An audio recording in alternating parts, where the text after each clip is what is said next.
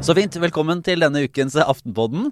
Eh, Vi er tilbake. Det er torsdag morgen, alle er i studio. God dag, god dag, Trine Eilertsen. God dag. God dag, god dag, Sara Sørheim. Hallo. God dag, god dag, Kjetil Alstheim. God dag. Og jeg er Lars Glomnes. Så, så fint å være samla her igjen. Føles lenge siden, for Kjetil har vært så mye på reisefot. Ja, vært ute i den store verden. Og det kan jo at vi må komme ørlite grann tilbake til det, faktisk. Var du litt usikker her? Ja. Vi Har snakket vi ikke om reddet det verden, før sendingen, så glemte vi å planlegge det inn. ja, ja, det, ja, det var ikke en del. For det er, det er mer dramatiske hendelser. Jeg kan si Altså, eh, om, om vi trodde at stortingspolitikeres eh, pengebruk og pendlerleiligheter eh, var valgukas, liksom akkurat rundt der, det store hendelsen, og at det hadde lagt seg, så har det ikke det. For nå eh, er det jo en ny runde med stortingspresident Eva Kristin Hansen, nyvalgt sådan fra Arbeiderpartiet, som det viser seg plutselig har ramla ut i litt trøbbel. Riktignok for, en, eh, for en stund siden. Eh, For hun har jo da Samtidig som hun flytta inn hos sin eh, da nye ektemann i 2014 i eh, Ski. Daværende samboer, nå ektemann, da. For å være Ja, pinlig pinlig For å være nøyaktig. pinlig nøyaktig. Ja. eh, Beholdt sin da eh, folkeregistrerte adresse i Trondheim i en, eh, et rom eh, på, i leiligheten til Trond Giske. Ok, og så stopper vi bare ett sekund akkurat her. Ja. så det er, for det er mer til denne saken, og det er ikke dette som er saken. Men akkurat det. Hun bodde i hybelen, på et rom i hybelen til Trond Giske. Allerede der begynner det å bli litt sånn underlig, denne saken. Ja, og, Ja. og det gjør det blir ikke eh, Det har vel ikke noen direkte relevans for denne historien egentlig, men det gjør bare bildet litt mer komplisert. Men da siden den folkeregistrerte adressen var denne, eh, denne hybelen i Trondheim, så fikk hun da også eh, stortingsleilighet i Oslo. Ikke sant? Dette, det ringer jo noen bjeller her fra tidligere historier som har kommet fram i høst. Eh, fordi man da, når man bor nærme nok Oslo, f.eks. da i Ski, eh, innenfor fire mil, så har man ikke rett på pendlerleilighet. Eh, bjellene ringer kanskje her, men det gjorde de ikke for Eva Kristin Hansen, da. Eh, som, eh, som egentlig ikke skjønte nå nylig at dette kunne være et problem. Selv om hun riktignok i 2017 endra sin folkeregistrerte adresse til Ski, eh, sånn at hun heller da ikke fikk eh, stortingsleilighet i Oslo lenger, eh, og sånn sett fikk det på, på stell. Eh, Men nå har det likevel eh, bitt henne. Ja, og det som hun eh, lener seg litt på, eh, hun beklager jo da, men hun lener seg litt på, det er jo den formuleringen i dette regelverket, der det står at du har rett på leilighet hvis du har eh, folkeregistrert adresse eller bosted mer enn fire mil fra Stortinget. Og da har jo hun tenkt at folkeregistrert adresse, det gjør at hun kvalifiserer for en sånn bolig. Det at hun har eh, bolig nærmere fire mil eh, fra Stortinget, det nuller på en måte ikke det, for hun oppfyller ett av kriteriene. Eh, og det som er litt fascinerende med det, det er at da ser hun helt vekk fra intensjonen med denne ordningen. Intensjonen er at de som må ha og trenger det, skal få muligheten til å, å ha en leilighet i Oslo, så det går an å jobbe i Oslo når du, når du er nødt til å reise til og fra et annet sted i landet. Ja, så, så hun har valgt å fokusere på, på måte, reglene og loven, og kom med da de klassiske ord eh, 'jeg er ingen kjeltring'. Eh, var det altså i går onsdag? Ja, så 17. november er jo en litt spesiell dag eh, i sitatet 'Jeg er ingen kjeltrings historie'. Fordi det er selve bursdagen til det sitatet. Eh, I 1973 så var det jo eh, eh, Det var den dagen da Nixon eh, sa de berømte ordene 'I'm not a crook' i forbindelse med Watergate-skandalen. Som er blitt stående på, hans, på, måte, på gravsteinen over hans presidentskap som liksom, de eh, hva er det for noe, fem mest sånn eh, avslørende eh, ordene som har falt fra en sin munn, og som ble hans ende som president. Fordi han hadde jo åpenbart Uh, Om han ikke akkurat hadde brutt seg sjøl på Watergate, det hadde han ikke gjort, så hadde han jo ikke rene hender at bloody all. Eh, og at hun velger å bruke eh, ordene 'jeg er ingen kjeltring', eh, aner ikke. Det må jo ha vært en tilfeldighet, men det er en helt sjuk tilfeldighet. hommage til eh, Nixon. En homage. Hommage. mer sånn oss presidenter imellom, liksom. Men, men er det, bare for å, for å ta den, eh, hvis man fokuserer på loven, altså, så, så er det jo her, det er, Jeg tror det er enighet også blant såkalte juridiske eksperter om at loven og reglene her er ikke nødvendigvis ekstremt godt utforma. Men Kjetil, er det et spørsmål om si, regler er brutt? Eller Ja, er det andre ting? Stortingets administrasjon mener jo at reglene er brutt. Eh, og, så, eh, og så at hun har tolket reglene feil. Og så er jo eh, uansett et hovedproblem her at hun ikke har eh, At hun har eh, brukt disse reglene nærmest som å makse hva som var mulig.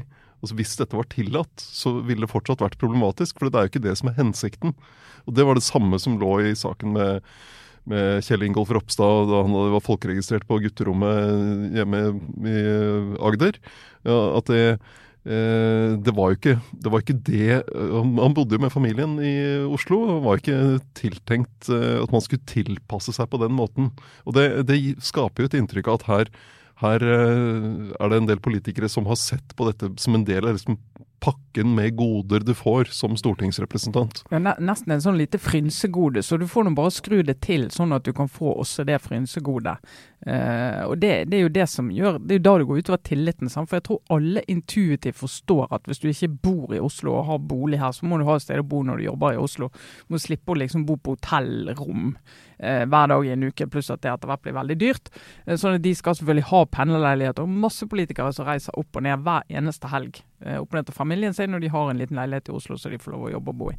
Når det blir sånn ja, jeg, som hun sier da, jeg, reis, jeg, reiste jo en god del i den perioden, og vi hadde seine møter på Stortinget, så det var veldig greit å ha den leiligheten. Vel, det er ikke intensjonen, altså. fordi at alle de andre på Stortinget som har et hus og en familie 3,9 mil fra Oslo, de må jo da reise hjem. De har også sene møter på Stortinget. Og de, har, og, de har, og de, har, mulighet, hvis det er sene møter på Stortinget, selv om du bor innenfor den firemilsgrensen, så kan du få dekket hotell hvis det er liksom Noen møter drar seg jo ut på nattestid. Ja, og det er ikke kollektivtransport, det er Nei. ingenting. Så det, den muligheten har de også.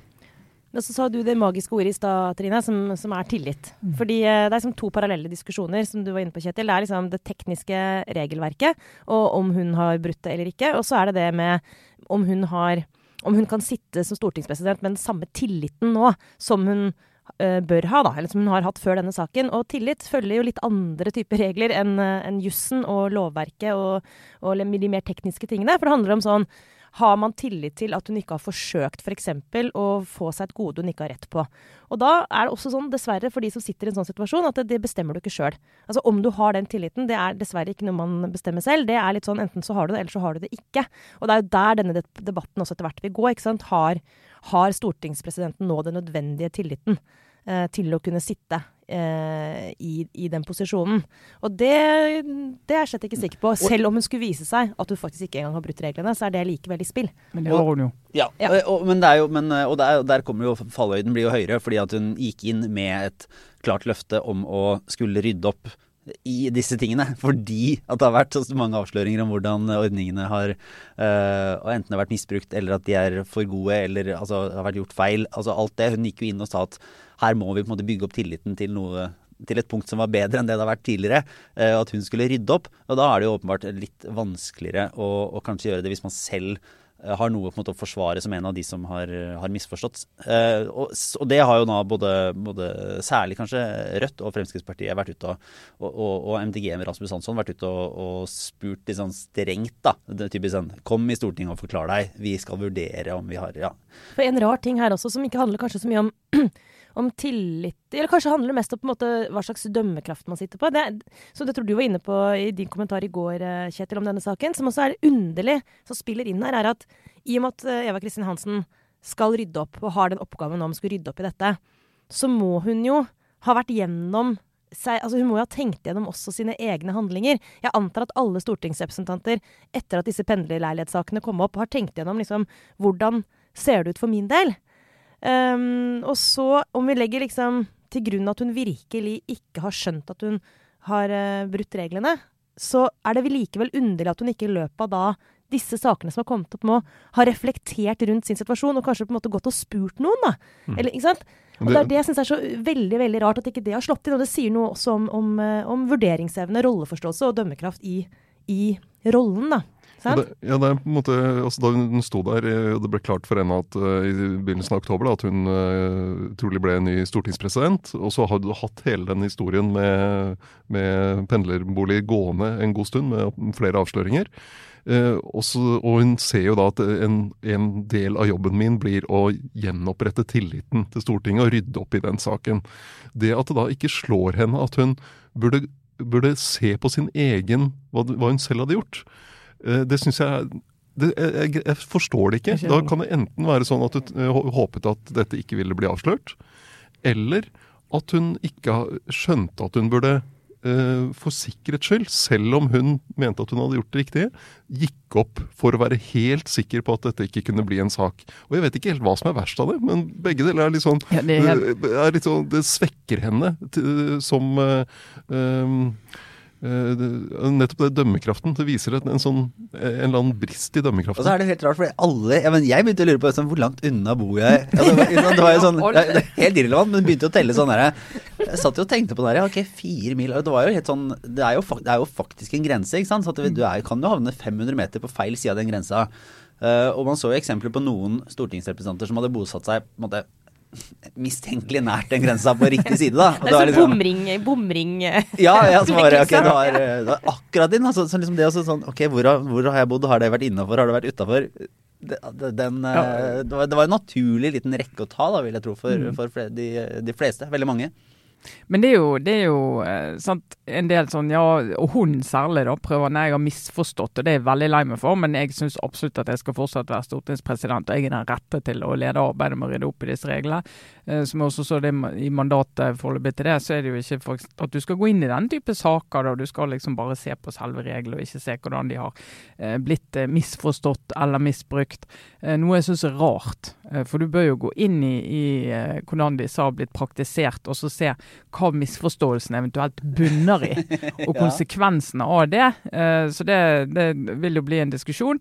Og så er det jo eh, når stortingsdirektøren, altså administrerende direktør eh, på Stortinget, bare slår fast at nei, vi går ikke inn i dette nå. Det, det feil har skjedd. Altså, de bare legger det bak seg. Problemet med det er jo bare at det er masse folk der ute som tenker hvorfor skal det være annerledes for de enn for oss andre?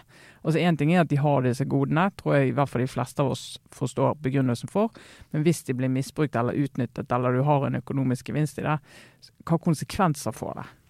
Og det, det er jo noe, noe av det som er øh, øh, Som jeg tror er litt vanskelig å forstå kanskje sånn utenfra. Er hva, hvordan Stortinget fungerer som institusjon.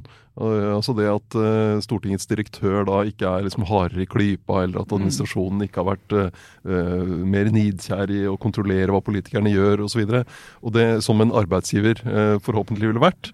Og det handler jo om at Stortingets direktør er jo ikke sjefen til politikerne. Nei. Eh, De er ikke ansatt på Stortinget. Det er, eh, sjefen til politikerne er det jo velgerne som er. Mm. Eh, De sånn driver at- med mye selvledelse. ja, og det er, det er veldig Det er vi imot. og, og det var det Stortingets presidentskap og politikerne burde gjort, var jo å gi administrasjonen i oppdrag å være mye tøffere i kontrollen. Helt klart. Og gi dem muskler til å følge opp og være Du trenger liksom en sånn, sånn Stortingets Nav-kontor som ettergår bruk av altså både reiseregninger og pendlerboliger og For, andre for du er både mot den derre er De skal ikke få en sånn tillitsreform i Nav. Man skal heller få et strengere eh, stortingsadministrasjon. i mis, mistillitsreformen på Ja. Stortinget. Men den som ville vært ansvarlig for å sette i gang noe sånt, da, det er jo da Det er, det er presidentskapet. Det, det, er det, det er det det er. Og det, tenker jeg både de uh, reiseregningssakene, etterlønnsordningen, der DN har hatt eh, mange avsløringer av hvordan den er blitt eh, brukt og misbrukt, og disse pendlerbolighistoriene viser at du trenger en, en sterkere kontroll av de ordningene som gjelder for politikere. Og det er i politikernes interesse, og det er så rart at de liksom har surret rundt i flere år og ikke bare får paret beina på det og fått gjort noe med det. For det dukker jo opp hele tiden. Det blir sånn Å, ups, har du sett? Å nei, forsyne med, der var det en til. Um, men det går sikkert bedre neste gang. Altså, det, liksom, det virker så utrolig passivt, da.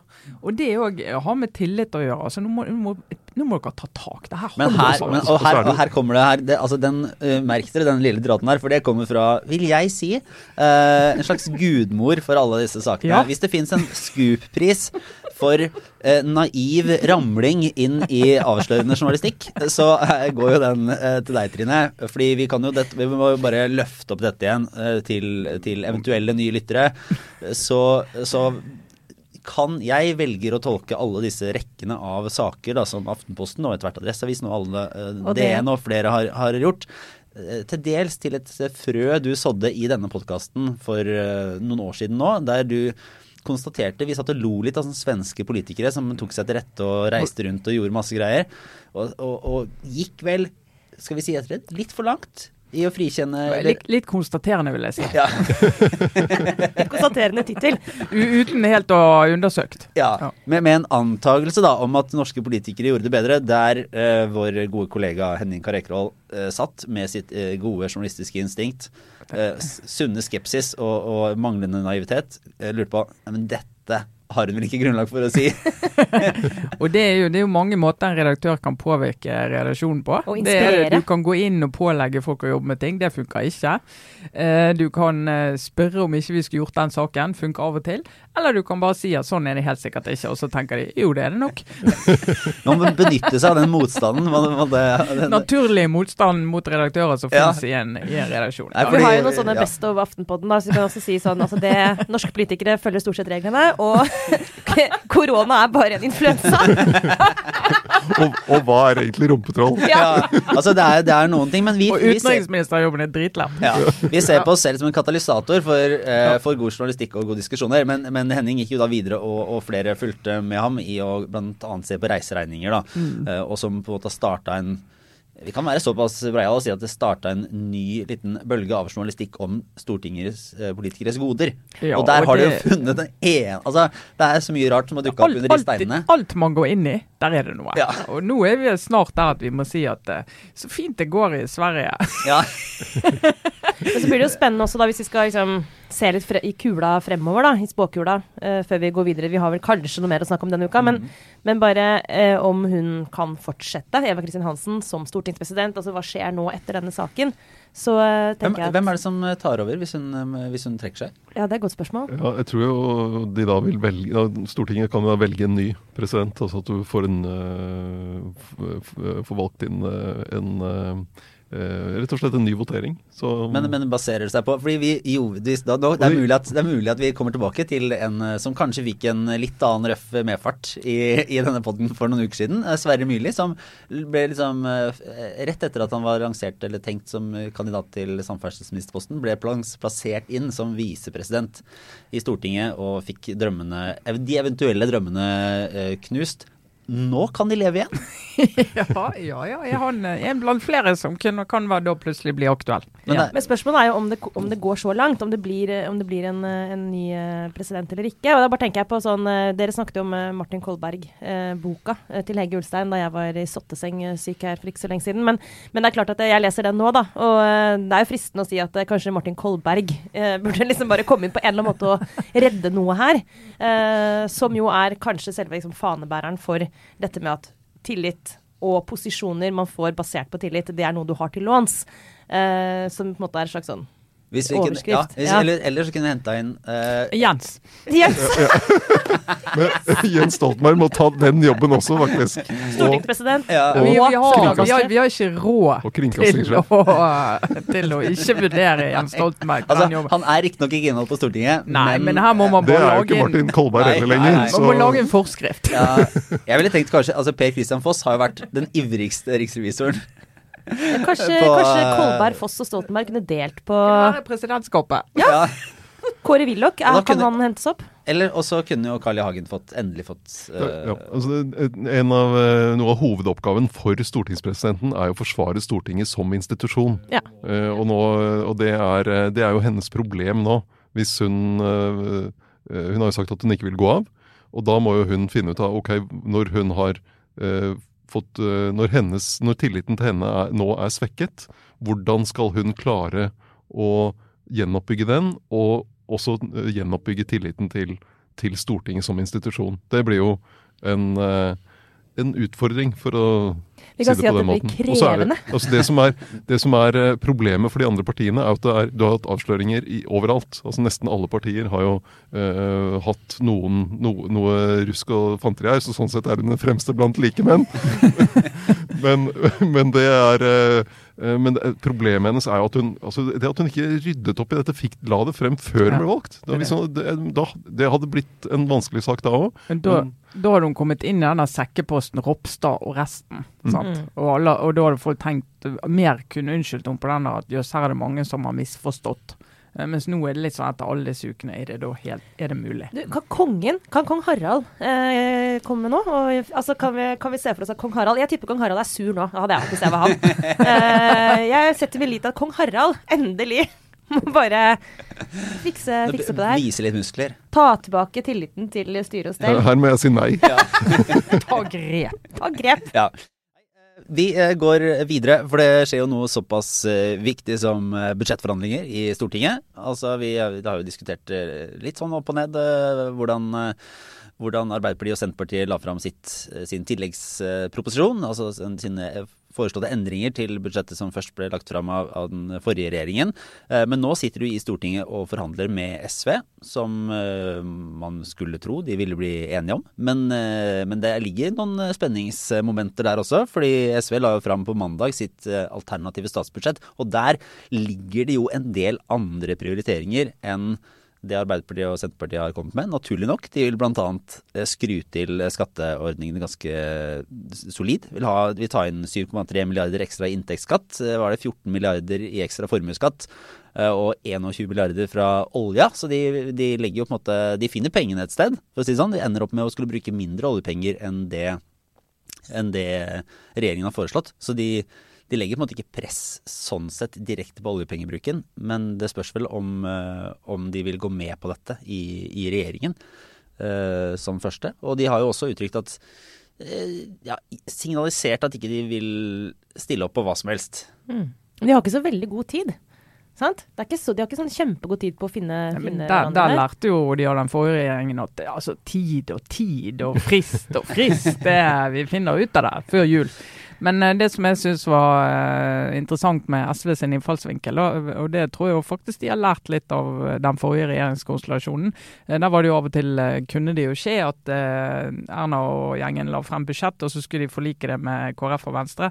Og så opplevde i hvert fall de som de skulle inngå forlik med, at de hadde på en måte plukket ut noen ting som de mente de var ferdige med å bli enige om i budsjettforslaget, sånn at de måtte forhandle det inn på nytt eh, når de satte seg til bordet. Det var veldig provoserende. Og Det SV sier nå, det er at eh, ok, det regjeringen her har f.eks. ikke foreslått uh, å gi uh, feriepenger til uh, arbeidsledige. Noe alle disse partiene egentlig er enige om å gjøre. Som sto i 100-dagersplanen til, ja. til Arbeiderpartiet, annet. Skulle bare skje. og det blir jo da tolket som at de har tenkt ja, men det kan vi legge, legge åpent, og så kan SV på en måte bruke av sin forhandlingskapital og få det inn. Og så sier altså, ja, men vet dere, vår jobb er ikke å redde deres løfter. Vi har våre egne prioriteringer. Her er de. Eh, så får dere ta ansvar for at dere ikke leverer på løftene. Og Det er en ganske sånn spenstig eh, innfallsvinkel. Og de får jo selvfølgelig kjempekjeft av Rødt, eh, og vet jo at de får det. Så er jo da spørsmålet kan de likevel løse den saken. Mm. Det var jo litt interessant å se også at Uh, synes jeg, altså Audun Lysbakken, i den rollen de har nå, da, som ikke sitter i regjering, så kan de på en måte bare ta fullt eierskap til sånn uh, skatteskjerpelser og, og, det å ville gjøre noe annet. Det, det sånn, for de har jo ikke lovet at skattenivået skal være det samme. Nei, nei. Men det er en ganske takknemlig posisjon for Lysbakken, for han fremstår jo faktisk som en veldig fornuftig mann. Altså, han tar et verdivalg om at uh, vi, skal, uh, vi, skal, øke skattene for de rikeste. Og det er jo en klassisk helt spot on SV-posisjon, det. Men han er jo samtidig veldig sånn ansvarlig i, i, at man ikke i forslaget øker oljepengebruken. Tvert imot. Så eh, egentlig, SV, husk på det. Det er ikke mange, mange år siden SV på en måte var sånn eh, ansett som uh, sløsepartiet og fikk kritikk for å være liksom, helt uansvarlig økonomisk politikk. Det er bare interessant hvordan liksom, Det er ikke det som er uh, etterlatt inntrykk av denne diskusjonen akkurat nå. Det er jo egentlig på mange måter Audun Lysbakken som, hvis han spiller korta sine riktig nå, som fremstår som litt sånn, den rene og ranke uh, ja, i denne diskusjonen. Så Det er jo en grunn da, til at de som nå sitter i regjering, ikke har ønsket å gå til valg på å øke skattene totalt. Uh, og det er, jo, det er, jo, grenser for hva skatt kan gjøre uten at det påvirker negativt på, på, andre ting du har lyst til å få til. Uh, og Der har jo SV et helt annet, annet syn på det, og mener at uh, de effektene de, Enten så tror de ikke på det, eller så mener de at det betyr ikke så mye. Men du kan i hvert fall øke skattene ganske hemningsløst, da, sammenlignet med både det Arbeiderpartiet og Senterpartiet ønsker seg. Jeg, tror, jeg syns SV fremstår ganske godt forberedt, rett og mm. slett, inn i hele den prosessen i høst. Og at de er tydeligere på hva de, hva de, prioriterer. Også det valget de gjorde da, som, som Trine snakket om, at de ikke vil at De bruker ikke sin forhandlingskapital på å øh, oppfylle løfter som Senterpartiet og Arbeiderpartiet har gitt på, på dette med feriepenger til, øh, til arbeidsløse. Samtidig er det jo sånn at og jeg, jeg det, det, virker smart, det, altså. Men samtidig er det jo sånn at de tre partiene sammen må ta et ansvar for prioriteringene. Det er ikke mm. sånn at uh, SV bare kan forutsette at dette er oppfylt av, som de også er for, av Arbeiderpartiet og Senterpartiet, og så kan SV ha andre prioriteringer i tillegg. En, de skal jo lage en helhet her som mm. henger sammen. Så det blir eh, Jeg tror det blir noen Nå er det jo litt i skyggen av en eh, annen sak, som vi allerede har snakket ja, ja, om. Men, men, eh, det blir intense dager nå ja. de, den kommende uke. Jeg syns jo Jeg hørte Stortingsrestauranten i går. En fin podkast som vi kan anbefale, som Tina Bru og Henrik Asheim og PC Frølik i Høyre leverer av og til. Ikke hver uke, tror jeg, men de prøver det. Der var Roy Steffensen fra Frp gjest i går. Uh, friend of the pod. Det, det, må vi kunne si. Må vi ja. kunne si. Uh, Vet ikke om det er gjensidig, men jeg håper litt der. Å oh, jo, han er jo en uh, stråle, strålemann. Men uh, han gikk jo analysert litt rundt dette forhandlingssituasjonen her. Og han mener at ja, men SV kan jo ikke gå ut av disse Ingen av disse partiene egentlig kan gå ut av disse forhandlingene uten at de arbeidsledige har fått de feriepengene. Så han mente at han kunne gjøre sånn som KrF gjorde i en forhandling med Erna Solberg, hvor de gikk inn og sa at vi begynner å forhandle når dere har sagt at 1 eh, av BNI skal gå til bistand. For det er vi jo egentlig enige om, så nå må ikke vi legge det i, i potten her. Så bare ordne opp i det.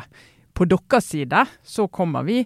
Så han mener at de kan liksom ha en sånn sikre at det skjer, men at de da må ta det av prioriteringene til eh, Arbeiderpartiet og Senterpartiet, og at SV på en måte ikke skal måtte ofre sine hjertesaker for at dette løftet skal bli oppfylt, men at det likevel må bli oppfylt. Så det var litt sånn teknisk, men det var interessant å, å høre analysen. Men er det sånn, det, det her spør jeg fordi jeg ikke, ikke, vet, og det er ikke sikkert det finnes noe godt svar ennå. For det har jo vært ganske sånn uh, taust egentlig på, på, hva SV vil prioritere. Altså, de har jo lagt fram sitt alternative budsjett der de, der de sier, sier, sånne store ting. Uh, hva de vil gjøre og hvordan de vil ta pengene hvis de kunne styre alt. Men uh, vet de om de typisk vil prioritere ulikhet eller klima, eller en Jeg tror de må ha noe på begge deler. Ja.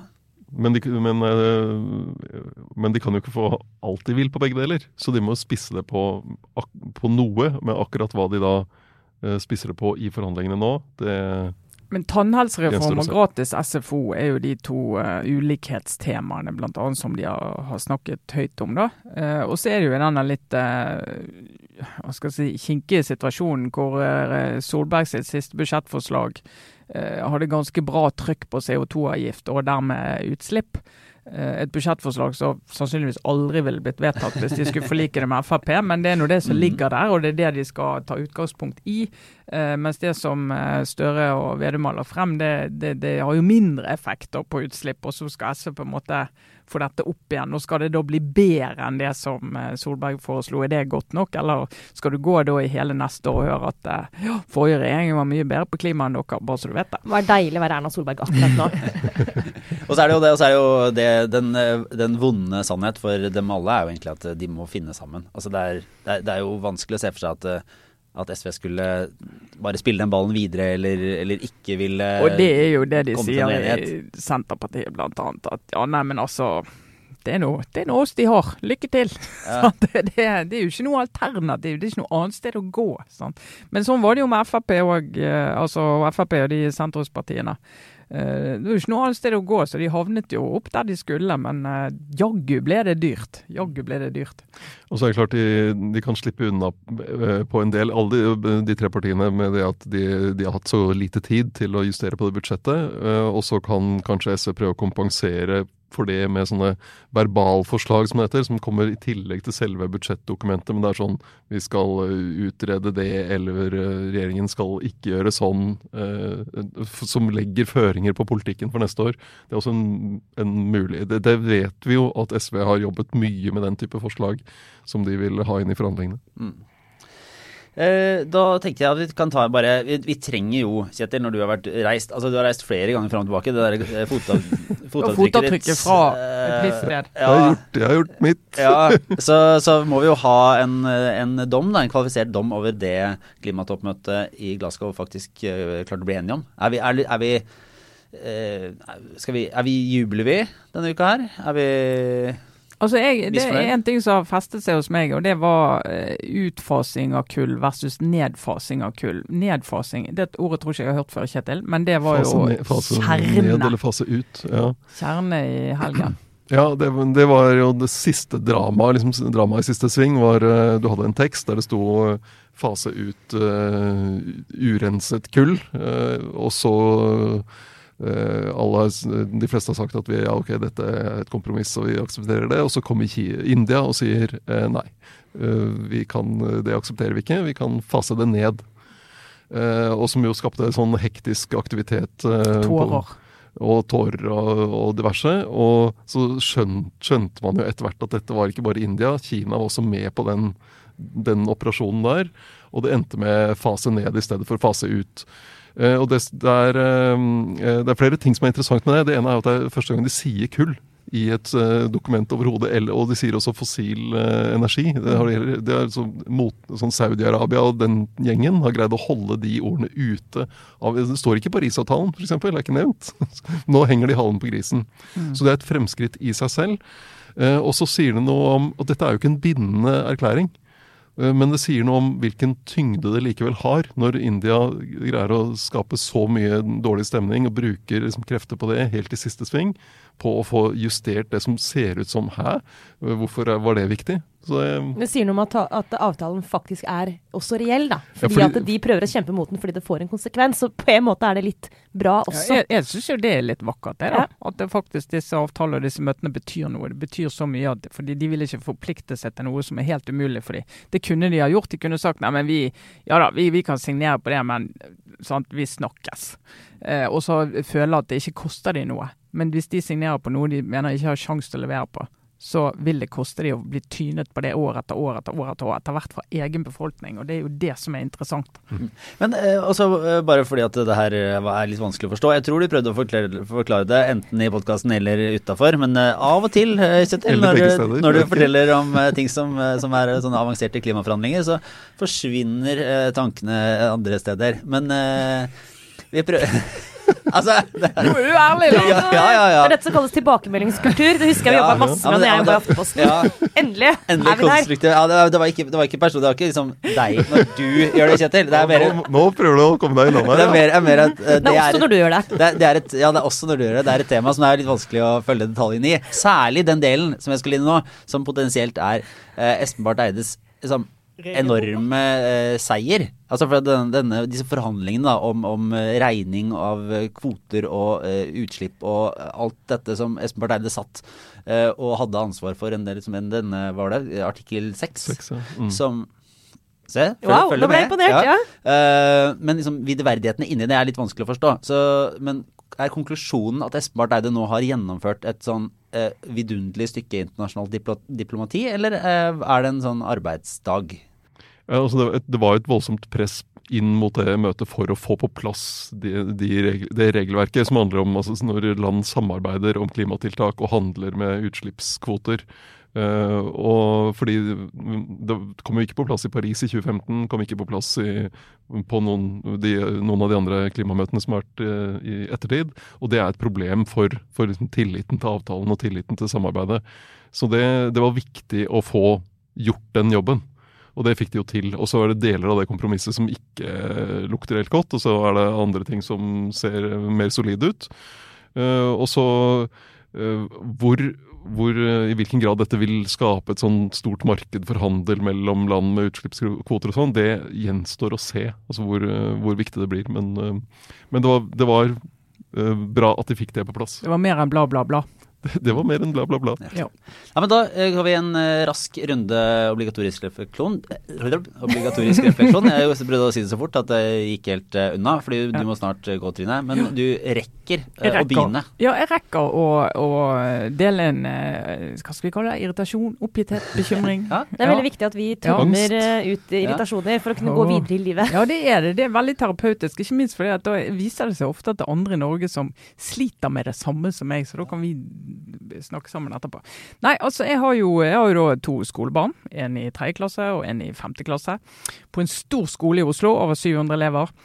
Eh, og de, eh, som veldig mange andre skolebarn, de eh, er en del av denne digitaliseringen av skolen. Jeg har vært utrolig positiv til det. Og tenkt at du, må, nå må vi rigge sånn at disse barna klarer å komme ut i arbeidslivet og i virkeligheten og lære seg å bruke disse verktøyene. Lære seg å google og søke og drive med kildekritikk og lære seg å bruke disse Ja, alt sammen. Så det var veldig positiv til, og det er for så vidt absolutt ennå. Men pendelen har jo svingt inn i det svarteste mørket. Det, vet du hva, det fins ikke skolebøker lenger i vårt univers. Eh, alt er inne på iPaden, og det som er så vittig, er at av og til så er det sånn får en, De får en oppgave hjem. Så har de tatt bilde av en side i en bok. Så du kan nå bla opp på iPaden og så kan du sitte og se den. Som bare det ungen hadde tilgang til. Jeg har ikke tilgang til den. sant? Eller jeg kan gå inn på iPaden. Hva hva var innlogget, hva var pålogget? Masse styr med Og jeg det. hører ordet feide. Feide, så bare får du Det bare Det dør en elefant i Afrika hver gang noen sier feide. Og så eh, Men liksom, det kan være veldig irriterende og masse sånn pålogg og tull og tjafs, og brukergrensesnittene er helt ko-ko eh, for, eh, for både barn og foreldre. Og helt sikkert for lærere òg. Og så hørte jeg senest på Ekko i dag morges eh, når jeg eh, skulle til jobben. Litt seint ute, som alle da forstår.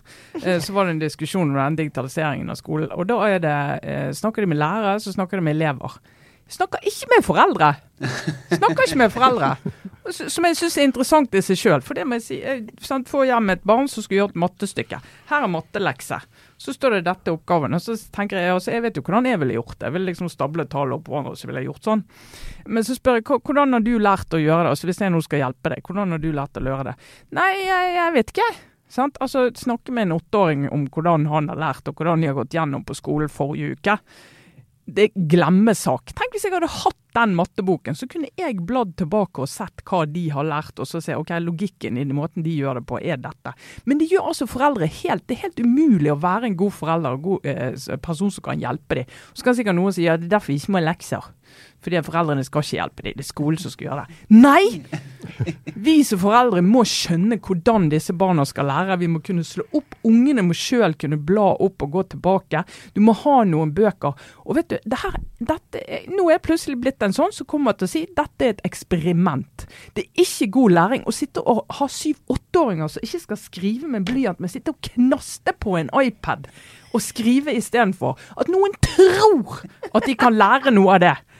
Vet du hva, jeg kjenner jeg hisser meg opp. Nei, vet du hva, Digitaliseringen av iPad-skolen, det skal du få billig av meg. Og da, for å gjøre det enda mer forferdelig for deg, så kan jeg si at på skole ikke så langt unna, i Oslo, samme kommune som mine barn går på, så har de valgt bort iPad. Fordi det også er en ting. Det er jo opp til, hvis jeg skjønte det riktig, opp til skoleledelsen.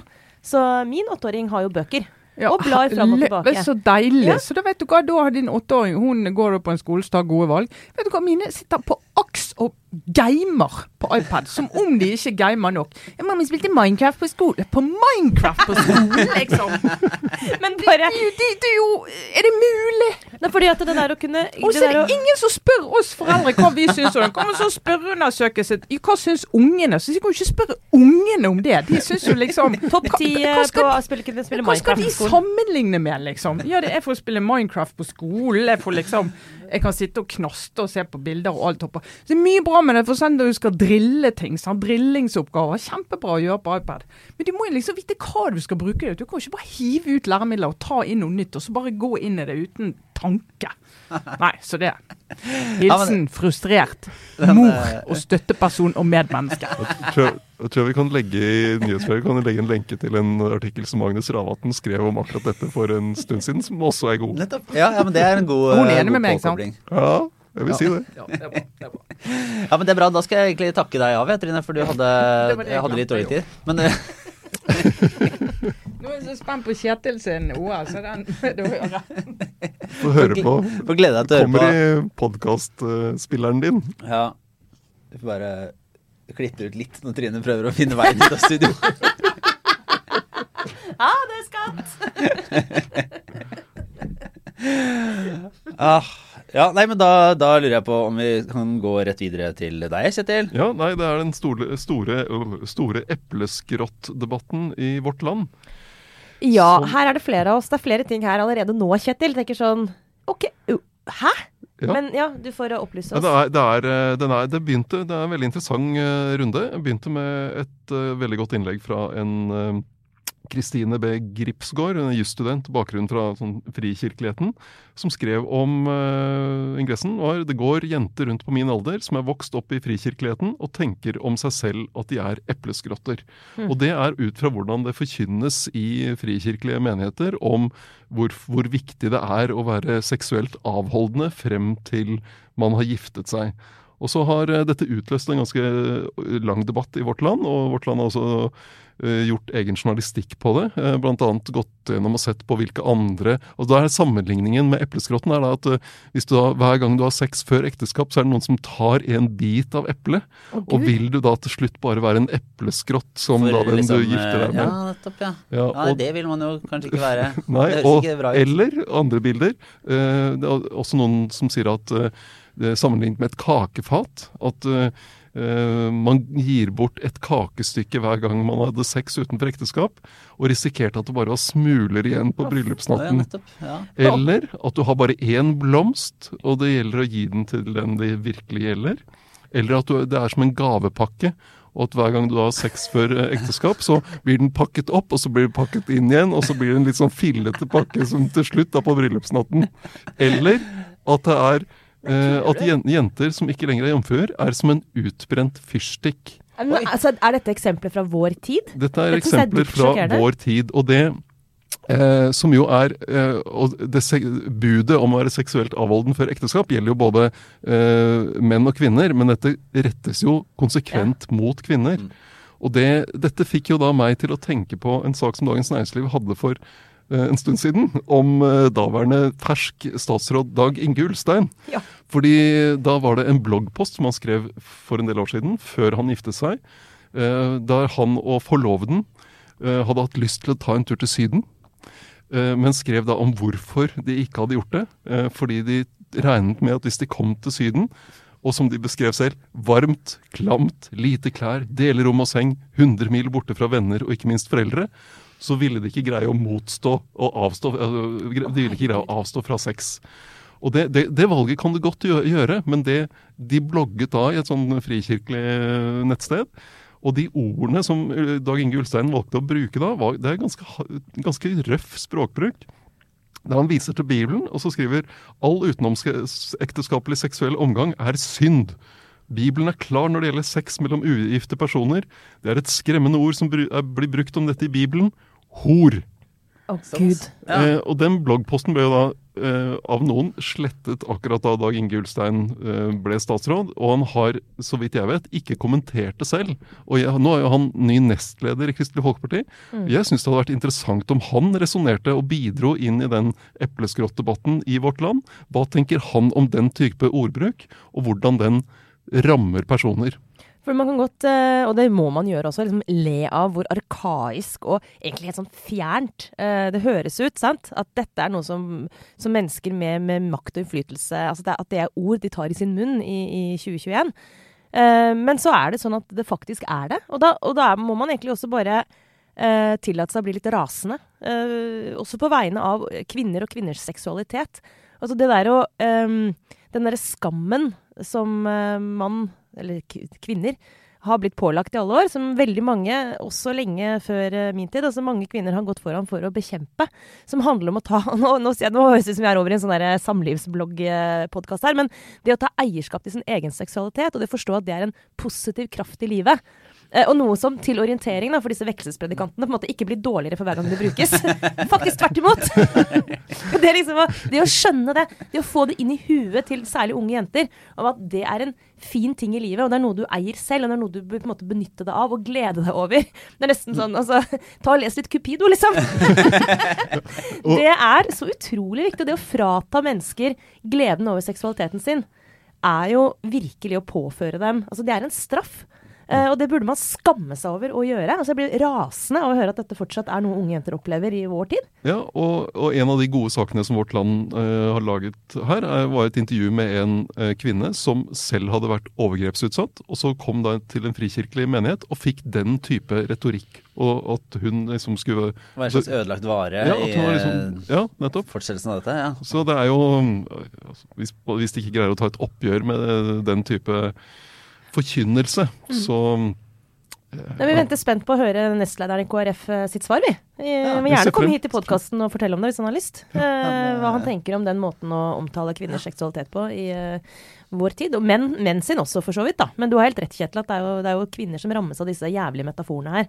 Eh, epleskrått, herregud, altså. det går, Ah! at det går an. Ja. At det går an.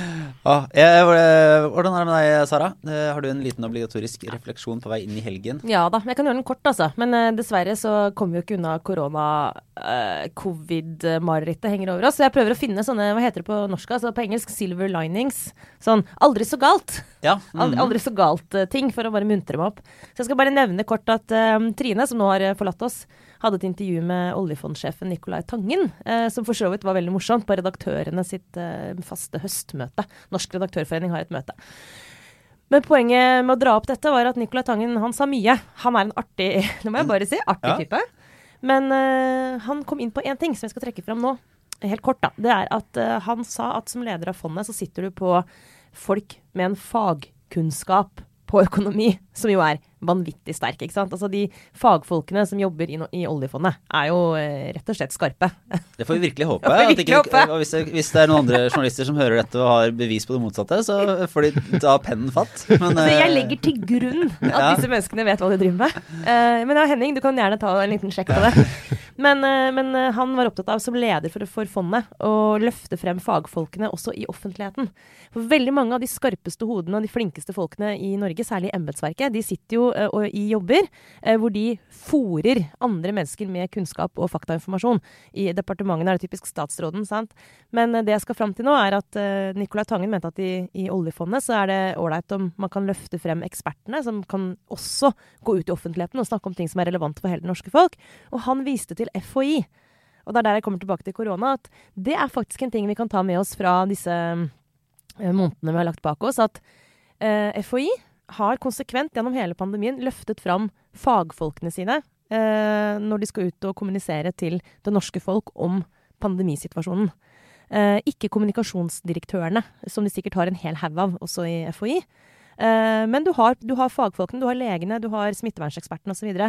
Akkurat det syns jeg har gjort Det tror jeg har, har bidratt til å gjøre hele den offentlige samtalen og diskusjonen om koronapandemien bedre i Norge enn mange andre steder. Fordi det er noe med tilliten til at de som uttaler seg, ikke snakker med utgangspunkt i noen talepunkter som har vært gjennom 80 000 PR-folk, PR-folk, men snakker ut fra sin faglige overbevisning. Og så har du da fått eksempler på type overlege Preben Aavitsland, som plutselig sier ting som er sånn Det var den pandemien! som er åpenbart fra et PR-ståsted. Eh, ikke så veldig smart, men som er eh, Han mente vel nok helt genuint at nå er vi ferdig med den mest kritiske fasen av denne pandemien. Tjo! Flott at han som lege går ut og sier det. Så får de heller tenke at ok, det ble litt trøbbel for Camilla Stoltenberg å rydde opp etterpå, men det gjør da ingenting. Det er mye bedre at vi kan ha tillit til at de som uttaler seg, faktisk sier det de mener, basert på fagkunnskap, da.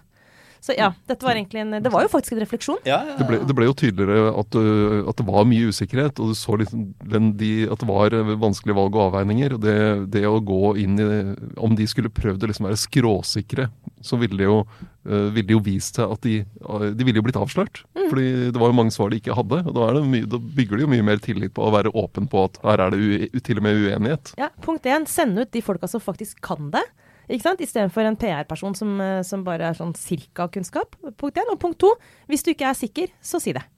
Da, da, da eh, fortsetter jeg da med en liten, eh, med en liten blomst i det, i det sånn klar tale. For her er det da en, en hilsen til Frp-stortingsrepresentant Christian Tymring-Gjedde, som med klar tale nå trakk seg fra sentralstyret i Fremskrittspartiet. Eh, og som han sa, eh, det er min egen beslutning, og det er ikke privat. Altså, det var i høyeste grad politisk. Det var fordi han eh, for, Ikke av hensyn til, til Nei, nei, familien. familien. Bare, nei, det er fordi han Og da, i, da det skulle deles ut en, en plass, eller altså skulle, ville bli nominert til er det Natos parlamentarikerforsamling, Ja. så, så fikk han ikke flertall i stortingsgruppa for den plassen. Og det var jo da så skuffende, og han var jo misfornøyd med partiet. Så da trakk han seg like godt også da fra tillitsvervet som medlem av sentralstyret, som han da er valgt til av, av landsmøtet, heter det jeg forstår, som, eh, og, og sier at nei, da får det heller være det samme. Ja, men det er bra. Vi liker det. Si hva du mener. Ja. Ja. Og, og ikke, ikke, det liksom ikke skjul, bare sånn ærlig sånn Nei, det var en personlig ambisjon som ble knust. Dette aksepterer jeg ikke. Nå, det ble jeg sur for. Så da, da, da fjerner jeg litt av min egen makt eh, i protest. Som, eh, som er en Det er i hvert fall- åpent og, og ærlig. Klart og tydelig. Og så, helt på tampen, før vi gir oss, så må vi jo bare uh, igjen minne om at vi har en eh, livesending eh, tirsdag 7. desember på Sentrum Scene i Oslo. Der er det si, fortsatt noen billetter tilgjengelig. Vi gleder oss veldig til å være ute og møte dere lyttere igjen, og tror det blir morsomt. Så der er det bare å finne fram, skaffe seg billetter. Eh, Det er til og med rabatt for abonnenter, åpenbart, som er en fordel. Og jeg Og Oslo kommune kan bare glemme å stramme inn koronareglene, sånn Ja. at det rammer arrangementer. Det tar vi som en personlig fornærmelse og et eh, inngripen vi ikke aksepterer i livet. Det vil være Ja, da, da får vi det, det får vi Det ser heldigvis ikke ut som det kan eh, Det er noen dramatisk Per i dag Du, altså okay, nå- Har du ikke lært noen ting? Nei, nei, jeg har ikke lært noen ting. Altså, det er ikke bare influensa. Vi eh, 7. desember, eh, Sentrum Scene i Oslo, Aftenpåten live. Det blir veldig bra. Eh, det var det for denne uka. Takk for oss. Ha det godt.